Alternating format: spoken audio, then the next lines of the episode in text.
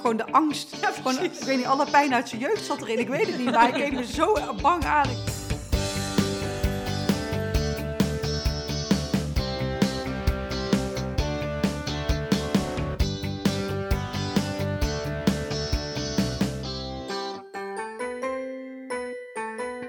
Wow, week 24 alweer van jouw zwangerschapsweek. De podcast van 24baby.nl die je de hele 9 maanden doorloodst. Deze week maakte Diede contact met haar baby. Hebben we het over maagzuur. Uh, we delen onze zwangerschapsergernissen. Uh, horrorverhalingen over bevallingen. Oh, zijn, oh ja. Uh, van, van de achternicht van de tante van daar gebeurde dit mee. Ja. Oh ja. Ongevraagd advies. Heel veel. Oeh. En komt de bevalling voor de eerste keer uitgebreid ter sprake. Voor we van start gaan wil ik je eerst even laten weten dat deze aflevering mede mogelijk gemaakt wordt door E EHBO-bureau. Want je verheugt je vast op al die leuke dingen als je kindje er dadelijk is. Maar een goede voorbereiding voor in noodsituaties is belangrijker dan je misschien denkt. Met een cursus van EHBO-bureau leer je tijdens je zwangerschap alvast wat je moet doen als jouw kindje zich bezeert, verslikt of zelfs dreigt te stikken doordat hij bijvoorbeeld een speeltje in zijn mond stopt. Een cursus geeft je zelfvertrouwen en zorgt ervoor dat je kalm blijft als het ooit nodig is. EHBO-bureau komt speciaal naar je huis. Een gecertificeerd instructeur leert jou, je partner en familie of vrienden wat je moet doen bij een ongeval met je baby. Kijk voor meer informatie op E ehbobureau.nl slash 24baby. We gaan beginnen! Welkom allemaal. Hallo. Hoi. Week 24 Ja. alweer. Wat schiet het op bij Diede? Ja, ik, je raakt een beetje de tel kwijt in deze, in deze weken. Ik weet niet of andere vrouwen dit ook herkennen, maar in die eerste weken leef je echt van week naar week. En nu eh, is het zo van, oh ja, ik zit in het tweede trimester en ik, ik weet eigenlijk niet precies meer in welke week of op welke dag. Of eh, je bent er niet zo meer mee bezig. Nee. Ja, hoor ik veel van Ja. veel dames. Het gaat heel snel. Ook omdat deze fase vaak je een stuk beter voelt, zo tussen de Ja. 20 en de 30 weken. Niet zo heel veel klachten hebt. Niet zo heel veel spannende dingen op de planning staan, zoals het termijn echt gewoon nipt. Een 20 weken Nee, het is echo. heel saai. Nu, ja. Medisch gezien eh, wel, maar het kindje is wel hard zijn best aan het doen om eh, precies, te ontwikkelen. Ja. Jij krijgt wel steeds meer een band met je kind. Oh is ja? Heel leuk. Vertel. Nou, ehm, ik had dus van de week had ik eh, muziek opgezet met een koptelefoon zo op de buik. En ik merkte dat zij daar dus heel erg op reageerde. Dus dacht ik, oh, dat is leuk. Ze is ook echt, ze reageert echt op deze muziek. Ze is nu, ze is Wat nu had je opgezet? Ja, ik had zo'n lijstje met klassieke muziek die ik ook heel graag luister, had ik Ah. opgezet. Dus ik heb zo'n Oh, soort van, dit zijn de must-haves of zo, om, Ja. om in ieder geval te luisteren. Dit zijn je beginselen of zo, die, Ja. die heb ik in een lijstje gezet. En ehm, dus ik, ik had het zo, ehm, ik had het zo op, haar, op, op de buik en zij reageerde. En toen dacht ik, ik ga ook met mijn handen even kijken of, of ze dan naar mijn hand toe wil komen of zo. Dus ik had mijn ha- hand erop gelegd, dus ik had een beetje zo geduwd van hallo, ben je daar? En toen kwam ze er ook echt naartoe. Ze was de hele tijd terug aan het duwen op mijn hand. Wauw. Dus dat was echt heel leuk. En toen dacht ik ook, nou, nou heb ik echt wel even contact met je. Dat is echt de eerste keer dat ik dacht, oh, dit had ik misschien wel veel eerder kunnen doen. Waarschijnlijk, misschien wel, ik weet het Nou, niet. denk het niet. Dit Nee? Is wel, nee, dit is wel de fase dat, eh, dat die bewegingen die die baby aan het maken is... niet meer alleen maar reflexen zijn, maar dat echt wel bewuste bewegingen worden. Oh, dus dat je terug, een reactie terugkrijgt op jouw hand of gepor of Oh, beuk. wat leuk. Ja. Ja, ja, dus eh dat komt dus inderdaad doordat de spiermassa wat aan het toenemen is. En je gaat het steeds beter voelen, ook omdat het vruchtwater wat toeneemt nog. Oh, dus ja. dat geleidt de beweging ook Ja, weer wat buik beter. groeit ook hard hoor, jongens. Ja. ja. Deze weken groeit de buik hard. Tenminste, dat vind ik. Ja, je hebt zelfs een zwangerschapsjurk aan. Dat Ik is heb, de eerste jongens, keer ja. dat we jou in een officiële zwangerschaps Ik heb ergens in de podcast gezegd dat ik het zo lang mogelijk heb uitgesteld. Maar dit is al eh, het moment. Ja, ik heb ook zwangerschapsbroeken gekocht. En? Ja, ze zitten wel lekker. toch wel, toch wel, hè? Nou, ik moet zeggen, nee, ja, die jeans, broeken zeg maar met zo'n band vind ik nog steeds niet lekker zitten. Maar Mm. het is gewoon echt noodzakelijk kwaad. Maar ik heb wel van die flared broeken die je gewoon zo hop over je buik kan trekken. En die vind ik echt op dit moment heel fijn. En jurken vind ik op dit moment echt wel heel erg fijn. Ja. Dus die, eh, daar blijf ik op dit moment nog heel even bij. Ja. Hey, en Maartje, die baby die eh, begint dus steeds bewuster te bewegen. Daar kun je echt contact mee maken. Zijn er nog andere bijzonderheden met eh, de baby deze week? Eh, een baby kan gaan zuigen op zijn duimpje. Schattig. Ja, heel schattig. Dus dat eh, eh, eh, zou je later dan ook nog wel eens kunnen zien. Hè? Als je bijvoorbeeld een groeiecho laat doen, omdat dat nodig is, of een pret-echo. Eh, en ze kunnen ook dingetjes gaan grijpen. Voorheen hadden ze de ha- handjes eigenlijk altijd open. Maar door de toena- toename aan spierspanning gaan dat worden dat vuistjes. En kunnen ze dus ook dingen vastpakken. Was dat ook- niet al eerder? Of is het Nou, echt een beetje met Volgens mij is het nu wel een beetje... Ja, weet je, de theorie is er wat wisselend in. Maar ik las er nu toevallig weer dat het ook in deze periode is. Nou, wat grijpen ze En- dan? Want er valt niks te grijpen. Eh, hun, ei- hun eigen andere hand, zeg Oh maar. ja. oh ja. En een navelstreng, die Oh, kunnen ja. ze ook echt gaan vastpakken. Want daar zit natuurlijk, dat is niet, daar zit geen gevoel in. Dat voelen zij zelf niet. Je andere hand kun je natuurlijk voelen. Ik die, gelukkig eh, ook niet. Vastpakt. Nee, jij als, Oké. jij als moeder voelt daar ook niks Fijn. Is van. het niet gevaarlijk? En nee, het is niet, nee, dat is een goeie dat je dat zegt, René. Want we denken, oh, als het kind die navelstreng gaat dichtknijpen, wat dan?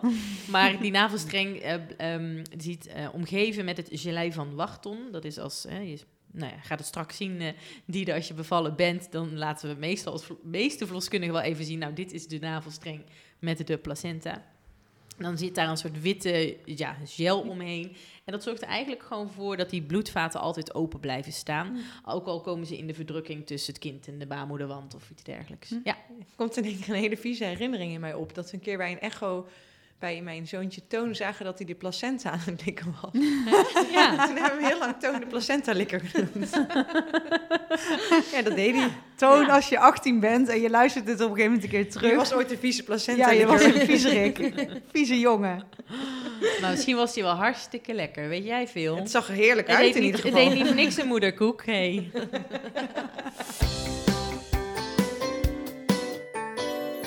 Iets wat bij heel veel vrouwen ook nu een beetje begint te spelen qua irritante klachten is maagzuur. Ja. Yes. Volgens mij zitten hier drie ervaringsdeskundigen bij mij aan tafel. Ja, Zeker. Ik ook tegenwoordig, ja. Ik gelukkig niet, maar eh die de vertel eens. Ja, ik heb sinds eh, nu een week of zo, ja, dat ik echt wel meer last heb van maagzuur. Dus ehm dacht eigenlijk, oh, dat gaat, dat gaat mij natuurlijk niet gebeuren, want ik heb helemaal geen kwaaltjes. Hihi. Oh. Oh nee. Nee, maar eh, ja, nee, ja, ik, heb, ik heb sowieso, vroeger eh, had ik al wel wat maagklachten, dus, ehm, en eigenlijk nog steeds. Maar nooit echt maagzuur gehad. Dus daarom had ik hem misschien ook niet heel snel zien aankomen. Maar ik begin nu al, begin nu al last te krijgen. Maar volgens mij is het nog niet zo heel erg. Maar wanneer heb je er last van? Na het, is dat dan na het eten of zo? Ja, is na het eten vaak. Ja, Ja, als het ja. even is gezakt eigenlijk, dus niet gelijk na het eten, maar heel eventjes na het eten, dan, eh, dan eh, krijg ik wel wat last van maagzuur. En komt dat eh maagje doordat er dan eigenlijk minder plek is voor de maag? Omdat de, omdat de baby al, eh, al zo groot is? Of komt maagzuur door een andere? Het is een, een tweeledig eh, probleem, om het maar zo te zeggen. Het komt en inderdaad door de druk van de baarmoeder, waardoor de maag een beetje kantelt. Dus hij gaat Mhm. andersom in, eh, of andersom, hij gaat in een andere hoek in de buik Ah, liggen. Eh, waardoor inderdaad inhoud, dus ook maagzuur er wat makkelijker kan uitvloeien. dat zie je overigens wel meer richting het eind van je zwangerschap. Als die hè, baarmoeder echt meer richting je middenrif Ja, want gaat. hij komt nu net bij de navel, hebben we net vorige week gehoord. ja. Dus daar, zo hoog zit hij nog niet.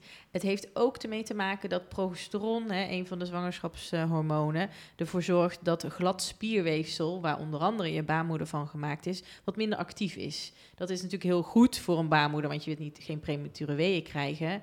Maar ook je maagklepje is gemaakt van dat gladde spierweefsel, dus die functioneert ook gewoon wat minder goed. Hij sluit gewoon wat minder goed. Ja, en bij mij sluit hij dus al wat minder goed. Dus, Dus ik denk helemaal dat niet nu meer. helemaal niet meer. denk ik. Ja. Ik heb ook wel eens gehoord, maar waarschijnlijk is de bakerpraatje dat als je een baby met veel haar krijgt, dat je dan ook meer last hebt van, van maagzuur. Dat zou met hormonen te maken hebben, dat je meer progesteron zorgt voor meer Het zou... haar, maar Ik heb het ook is altijd misschien een gehoord... grappig weetje. Maar Ik heb ook altijd gehoord dat het een bakenpraatje is. Ik heb er in ieder geval nog nooit wetenschappelijk onderzoek naar gelezen.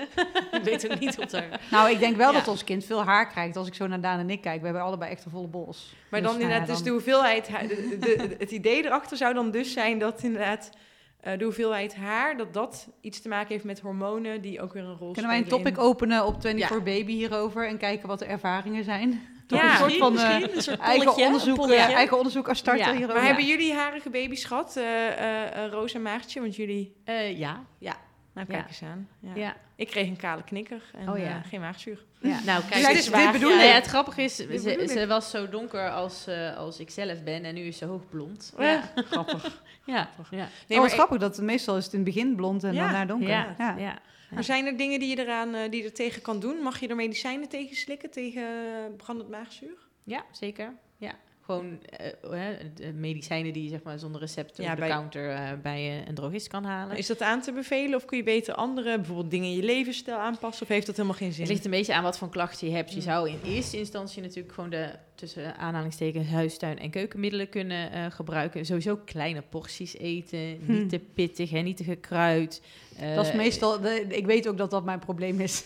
en te Ja. grote porties en te pittig en te Ja, of te vet, weet je. Dat zijn Ja. allemaal dingen die natuurlijk meespelen. Niet te laat meer eten, want heel veel dames krijgen het ook s'avonds na het avondeten. En als ze dan plat gaan liggen in bed, Ja. natuurlijk last Craving. van. Had ik ook, maar ik Ja. moest s'avonds eten, want dat trok Ja. ik het echt niet. Nou Maar- ja, dus je moet daar een soort van balans in zien te vinden. Wat nog wel eens wil helpen is eh, producten met calcium, omdat dat natuurlijk het maagzuur een beetje neutraliseert. Oh, grappig, Dus- want ik vraag altijd om een bakje kwark. En toen dacht ik daarna, oh, dat is helemaal niet goed als je last van maagzuur hebt. Maar dat is ja dus wel. hoor, mag prima. Kwark, gele vla, eh, broodkorstjes schijnt soms ook nog wel eens te helpen. Ja, ik kreeg vroeger altijd een beschuitje van mijn moeder. Ja, nou, zoiets. Ja. En dan zijn er natuurlijk nog eh, legio-middeltjes eh, bij een drogist te halen. Ja.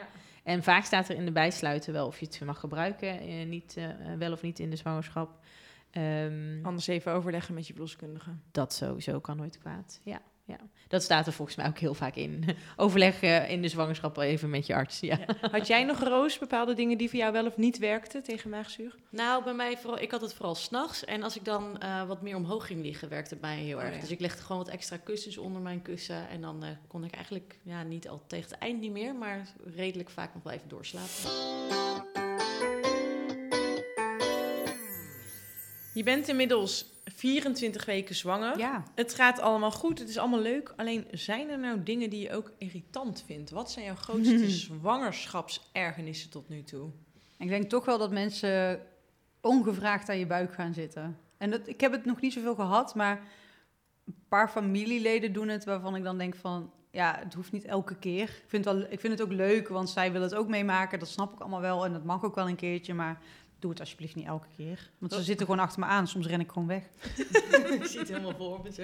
Ja. Ja, maar ze zitten dan, dan aanhouden wind, hè. Dus eh Jij kan niet zo hard rennen moet gewoon die, naar mijn eh, buik zitten. Jij kan niet zo hard rennen met die bekkenpijn, dus Nee, nee, het toch. Dus maar Roos, is dat wel, is eh, ook wel een van de nummer één ergernissen die joh, jij in de die, community eh, ziet, toch? Ik denk dat, dat bijna iedereen ook die wel herkent. eh, buikaanrakers.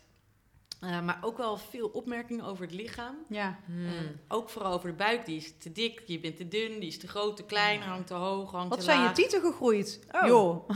Oh, nou, ook heel fijn. Het- Leuk buurman dat je meekijkt. Ja, bedankt. eh. Maar op de een of andere manier Collega. zien mensen wel echt de zwangerschap als een vrijbrief om wat over je uiterlijk te zeggen. Ook gewoon, Ja.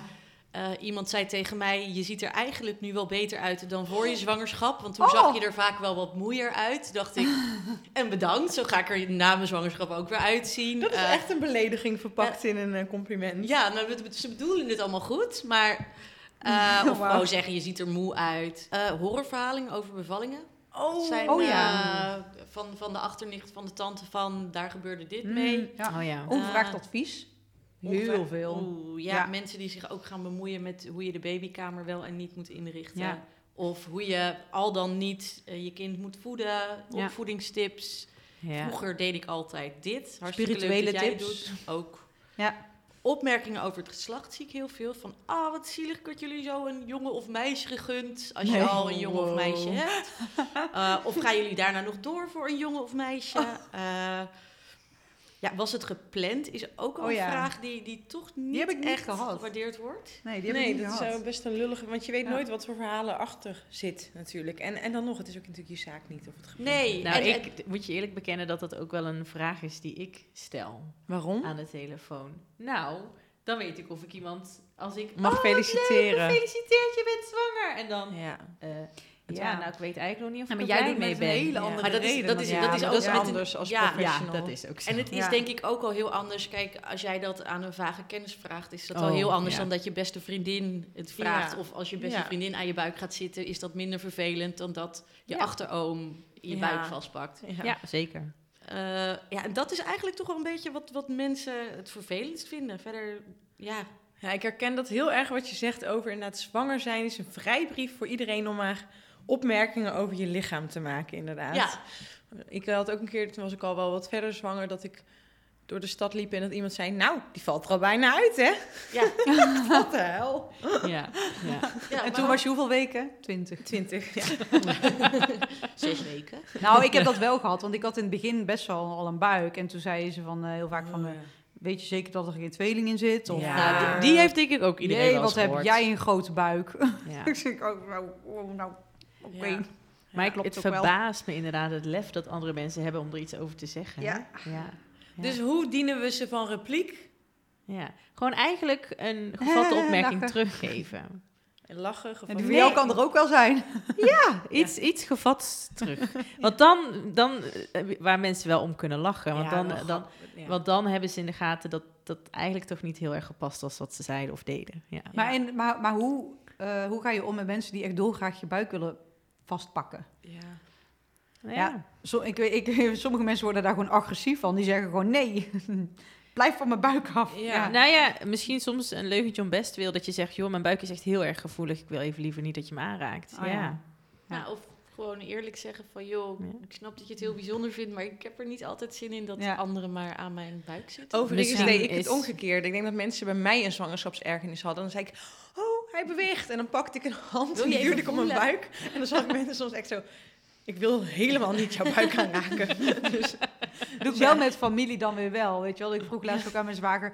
Oh, eh, ze ze is nu wakker, wil je het voelen, weet je wel? Want ik denk, misschien vindt hij dat wel heel ja, maar dat leuk. dacht ik dus ook. en toen zei hij, hij keek me echt nou Ja. aan. Het, het- gewoon de angst. Ja, Gewoon, precies. ik weet niet, alle pijn uit zijn jeugd zat erin. Ik weet het niet, maar hij keek me zo bang aan. Ik dacht ook, ik had deze vraag niet eens moeten Ja, stellen. dat, dat heb ik dus ook wel eens gehad. Dat is toch superleuk. Maar dat is net zoiets dat je denkt dat alle foto's van je kind echt Ja. heel leuk zijn. Maar dat zijn ze echt helemaal niet. Achteraf denk je. Ja, ook dat je Ja. denkt dat je baby knap is en achteraf kijk je en denk je... Ja. Het is nog een, nog een, eh, nog een eindje weg natuurlijk, eh Diede, je bevalling. Hopelijk in ieder geval. Ehm, maar ik ben heel erg benieuwd hoe jij er nu over nadenkt. Wat zijn je ideeën erover? En het is natuurlijk heel leuk om dan eh, over een tijdje weer eens te kijken of dat is veranderd of hetzelfde Ja. is. Ehm, ten eerste, is het iets waar je bang voor bent? Of kijk je er eigenlijk wel een beetje naar uit? Nee, ja, ik wil daarmee beginnen. Ja, ik kijk er dus echt wel naar uit. Oh ja? Ja, en nou ja, ik weet dat op dat moment, als ik heel veel pijn heb, dan eh, zeg ik, oh ja, hoezo keek ik naar dit moment uit? Dat ik dat dan wel een keer tegen mezelf zeg. Maar op de een of andere manier ga je ook je oervrouw ontmoeten. En daar ben ik wel heel erg benieuwd naar. Dus wat voor kracht kan er nog uit jouw lijf komen op een moment dat je al negen maanden ja, steeds groter wordt en eigenlijk alles weker wordt. Ehm, dus, dus op dat moment denk ik dat er echt zo'n oerkracht in je vrijkomt. En ik ben daar mega benieuwd naar. En ehm, En ben je Ja. er al uit of je thuis of in het ziekenhuis? Of... ja, ik, ik denk dus wel thuis.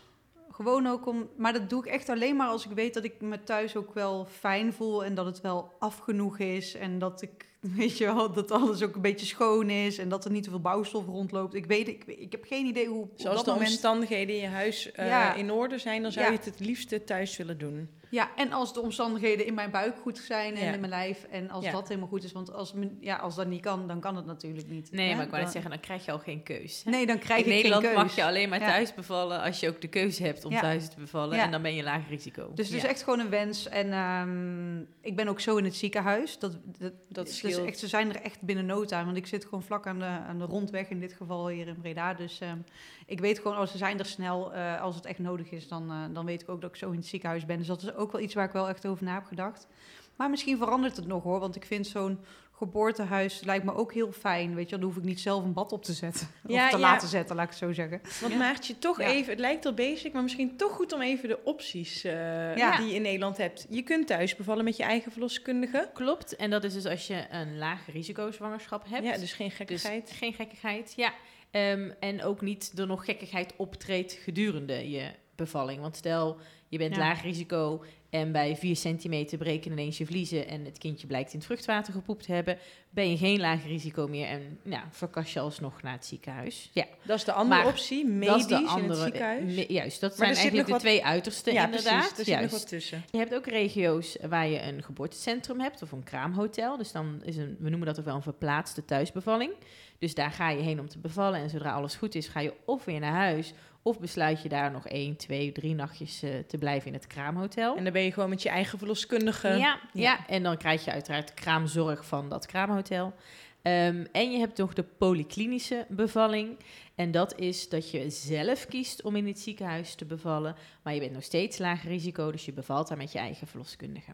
Ja. ja. Dus dat zijn eigenlijk de. Hè, als je met je eigen verloskundige kan en, en mag bevallen, is het of thuis, of polyklinisch, of in een geboortecentrum. Ja. Maar zodra er inderdaad iets gebeurt, zoals eh, ontlasting in het vruchtwater, of je wil pijnstilling, Ja. dan word je eigenlijk medisch, dan word je overgedragen aan het ziekenhuis. Dan word je juist. Ja, dan neemt in eerste instantie de klinisch verloskundige de zorg over met een verpleegkundige. En is er meer eh, aan de hand, dan kan het zijn dat zij natuurlijk de hulp van een arts inroept. Ja. ja. Nederland staat natuurlijk bekend als thuisbevallingsland. Ik, ging, ik dook even in de cijfers, dat valt eigenlijk wel mee. Hè? Ongeveer 13% bevalt thuis. Dat Ja. inderdaad nog wel weinig, ja. Ja, Er zijn wel meer vrouwen die de wens hebben in eerste instantie om thuis te bevallen. Maar dan gaandeweg in de zwangerschap of eh, tijdens de bevalling ja, komt het toch niet uit omdat zo'n kindje inderdaad in het vruchtwater poept. Of omdat iemand een hoge bloeddruk ontwikkelt. Dus de wens is wel groter, maar het uiteindelijke cijfer ja, komt niet... eh, het lukt niet altijd. Ja. ja. Is het eigenlijk een thema ook op 24 Baby? Waar mensen, zijn mensen daar al heel erg mee bezig? En merk je iets van ehm, voorkeur of zo voor... eh, voor eh, Nou, het, het verschilt eigenlijk heel erg. Mensen zijn er zeker mee bezig. Uh, maar de voorkeur, ik hoor wel veel voorkeur voor, voor thuisbevallen bijvoorbeeld. Ik heb zelf het idee dat dat ook steeds meer een beetje komt. Um, om, om lekker in je eigen omgeving, rustig. Uh, maar er wordt toch ook wel voor, ja, mensen voelen zich toch veiliger in een ziekenhuis. Ja. En, uh, of, of die willen pijn, pijnbestrijding. Ja, want dan wat word je zijn- ook medisch. Ja, precies. Want dat zijn, Ja. wat zijn een beetje de afwegingen die mensen maken? Wat, wat is voor jou bijvoorbeeld de afweging om het toch graag thuis te willen? Nou, ik weet wel nog- nog één afweging waarvoor mensen het vaak niet thuis willen, is troep. Ja, die hoor ik Dat is heel een vaak. hele grote ja. afweging waarbij mensen hebben, ja, daar komt zoveel troep eh, bij kijken. Daar weet je, vaak, moeten ja. we dan ook opruimen. En ik denk, ja, daar heb je dan ook wel hulp bij. Misschien wil je moeder En zoveel troep komt er niet. troep komt er Nee. niet. Want Nee. verloskundigen en kraamverzorgsters zijn heel goed getraind Ja. en netjes werken. Ja. Nou, en ik, en ik denk alleen maar, ik, ik ben thuis en ik hoef me dan niet te verplaatsen. En dus ook als ik ben bevallen, dan hoef ik me dus ook niet meer te verplaatsen. Dan kan ik gewoon eh, linea recta mijn bed in en eh baby Ja. ernaast. En eh, dan ben ik klaar, hè. De komende Ja. drie maanden kom ik hier niet uit. Bij wijze van. ja. Dus, ehm, dus het, het lijkt me fijn om thuis, ik ben daar ook ontspannen. En ehm, ja, ik denk dat dat gewoon, dat is ons huis-thuis situatie. Dat, daar kan ik me denk ik het beste bij ontspannen. Ik denk dat dat gewoon eigenlijk de grootste reden is. Ja. En jij mag er denk ik niet eh, in sturen of zo, toch Maartje? Mocht je daar een persoonlijke opvatting over hebben van... Wat- Nou, ik- de- al zou ik het willen. ik geloof niet dat ik zoveel eh, over, redder- over reddingskracht heb om iemand te overtuigen van jij moet thuis of jij Mhm. moet in het ziekenhuis. Nee, ik zeg altijd ga daar beval- bevallen waar je het meest op je gemak bent. Ja. En voor de meeste vrouwen is dat wel thuis. Want wat jij net al zegt, Diede, het is, ik zeg al, ja, je bent in je eigen omgeving, je kan in je eigen bed gaan liggen, onder je eigen douche gaan staan, eten wat je in je eigen keuken hebt. Dus voor, de, voor het opstarten van een bevalling is de thuissituatie zeker de beste eh, plek. En dan heb je zoiets van, ja, maar ik wil echt niet thuis bevallen. Dan ga je ook gaandeweg va- Ja. pa- vaak pas naar het geboortecentrum of eh, de polyklinische verloskamers. En dan ben je niet al met je eerste wee. Nee, dat Nou, duurt vaak een tijdje natuurlijk. Dat duurt vaak een tijdje, ja. En eh, je ziet wel dat als vrouwen dus nog gaan verplaatsen, als ze al wel aan het bevallen zijn, dat het wel de bevalling even remt. Want je gaat soort op de vlucht, of in ieder geval jouw lijf merkt dat jij op de vlucht gaat. Dus je krijgt wat meer adrenaline. Die weeën gaan eigenlijk even op de rem. Jij verplaatst van thuis naar het geboortecentrum of naar het ziekenhuis. En dan kan het soms wel even weer duren voordat die weeën oppikken. Ja, Ja. want heel veel vrouwen denken, oh, dan moet ik nog met die weeën de auto in en zo Ja. je lijf heeft daar wel een soort van ja, mechanisme voor bedacht. Bij mij niet hoor. Nou, dat ging gewoon door. Niet bij Nee. alle vrouwen. Nee, en het hoor, komt ja. ook nog wel eens voor hè, dat je je auto aan de kant moet zetten en een kind moet opvangen op ehm, nou, de rondweg. Hm. Dat merk ik gelukkig niet zo heel vaak. Maar ja, dat Heb is je een het wel eens beetje... meegemaakt, ja? Nou, als, als, in principe als verloskundige moet je ook wel de afweging maken. Is het nog verantwoord om... Ja. Dus als je te het hebt meegemaakt, dan zou je het niet vertellen. Eh, ik heb nog geen kind onderweg of op de stoep van het ziekenhuis hoeven aanpakken. Maar ik heb wel een keertje besloten dat iemand die heel graag polyklinisch, dus in het ziekenhuis, wilde bevallen. En ik daar thuis voor het eerst thuis kwam en die mevrouw al 8, eh 9 centimeter had. Oh, wauw. dat ik dacht, dat gaan we niet doen. We gaan nu gewoon hier alles gereed maken en we, en we vangen dit kindje thuis op. Ja, Ja. En Roos, jij had best bewust gekozen voor een polyklinische bevalling, toch? Ja, bedoel, dat nou, was je ja. gegund. Je was niet medisch geworden, dus... Nou ja, Ja, ik was, ik was wel medisch. Ah, wel. Ja, Ja. ik slik medicijnen waarvoor ik sowieso eh, in het ziekenhuis moest bevallen. En ik was ook blij dat ik uiteindelijk in het ziekenhuis lag, want eh Ilja had ook in het vruchtwater gepoept. Dus Oh ja. met 8 centimeter, 9 centimeter werd er ineens nog van verloskundige gewisseld. En eh, was ik klinisch, heet het dan, toch? ja medisch. Ja, Ja. ja, Ja. kwam er een Ja. andere verloskundige. Dus voor jou was het ziekenhuis echt een goede plek? ja, Ja. ja, Ja. ik was blij dat ik daar al was. Ja. Ja, ja.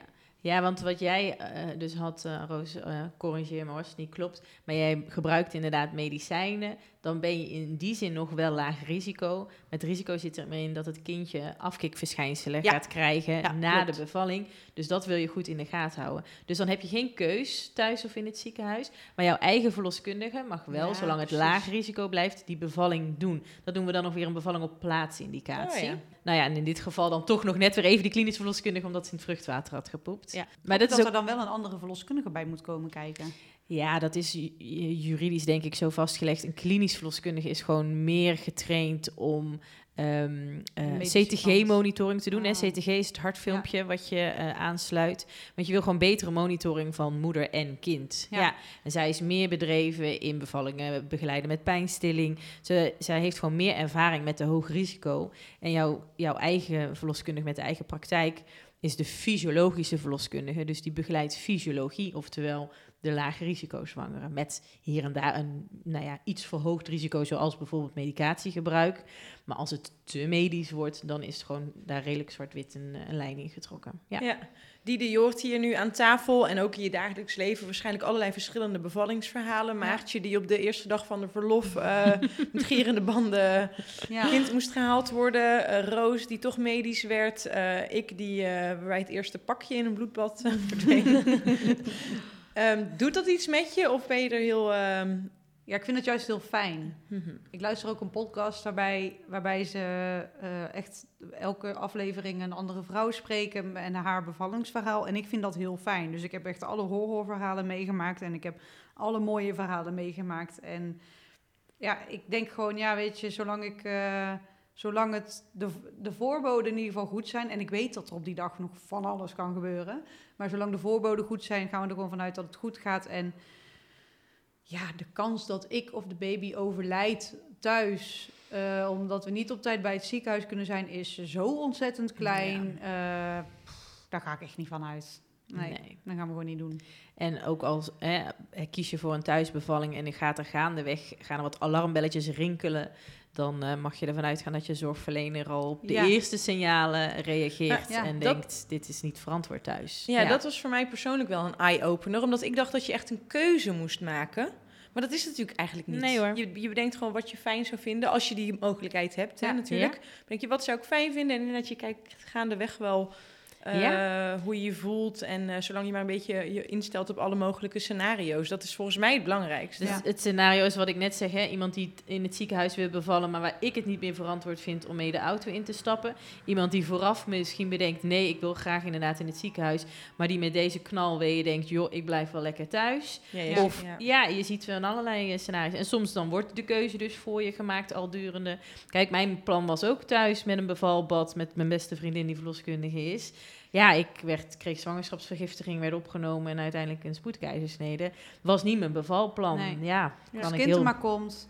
Ja, en, daarna, en daarna ja, als je er is. zonder al te veel kleerscheuren vanaf komt, kind in gezonde conditie. Ja, ja, Daar gaan we voor. Ja, zeker. Dank jullie wel. yes. Tot volgende Tot week. volgende Yes, week. tot volgende week. Bedankt voor het luisteren naar week 24 van jouw zwangerschapsweek.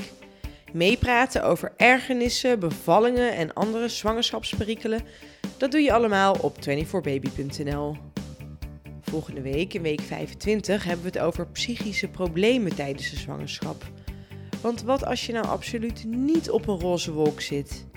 Maartje deelt haar eigen verhaal. En eh, nou, die schrok daar natuurlijk heel erg van. Eh, die is ook met mij meegegaan naar de huisarts. Eh, hij wilde het ook heel graag, omdat ik ja, dingen toch wel een beetje bagitaliseerde. En hij had wel zoiets van, ik wil wel dat ze geholpen wordt. Tot dan!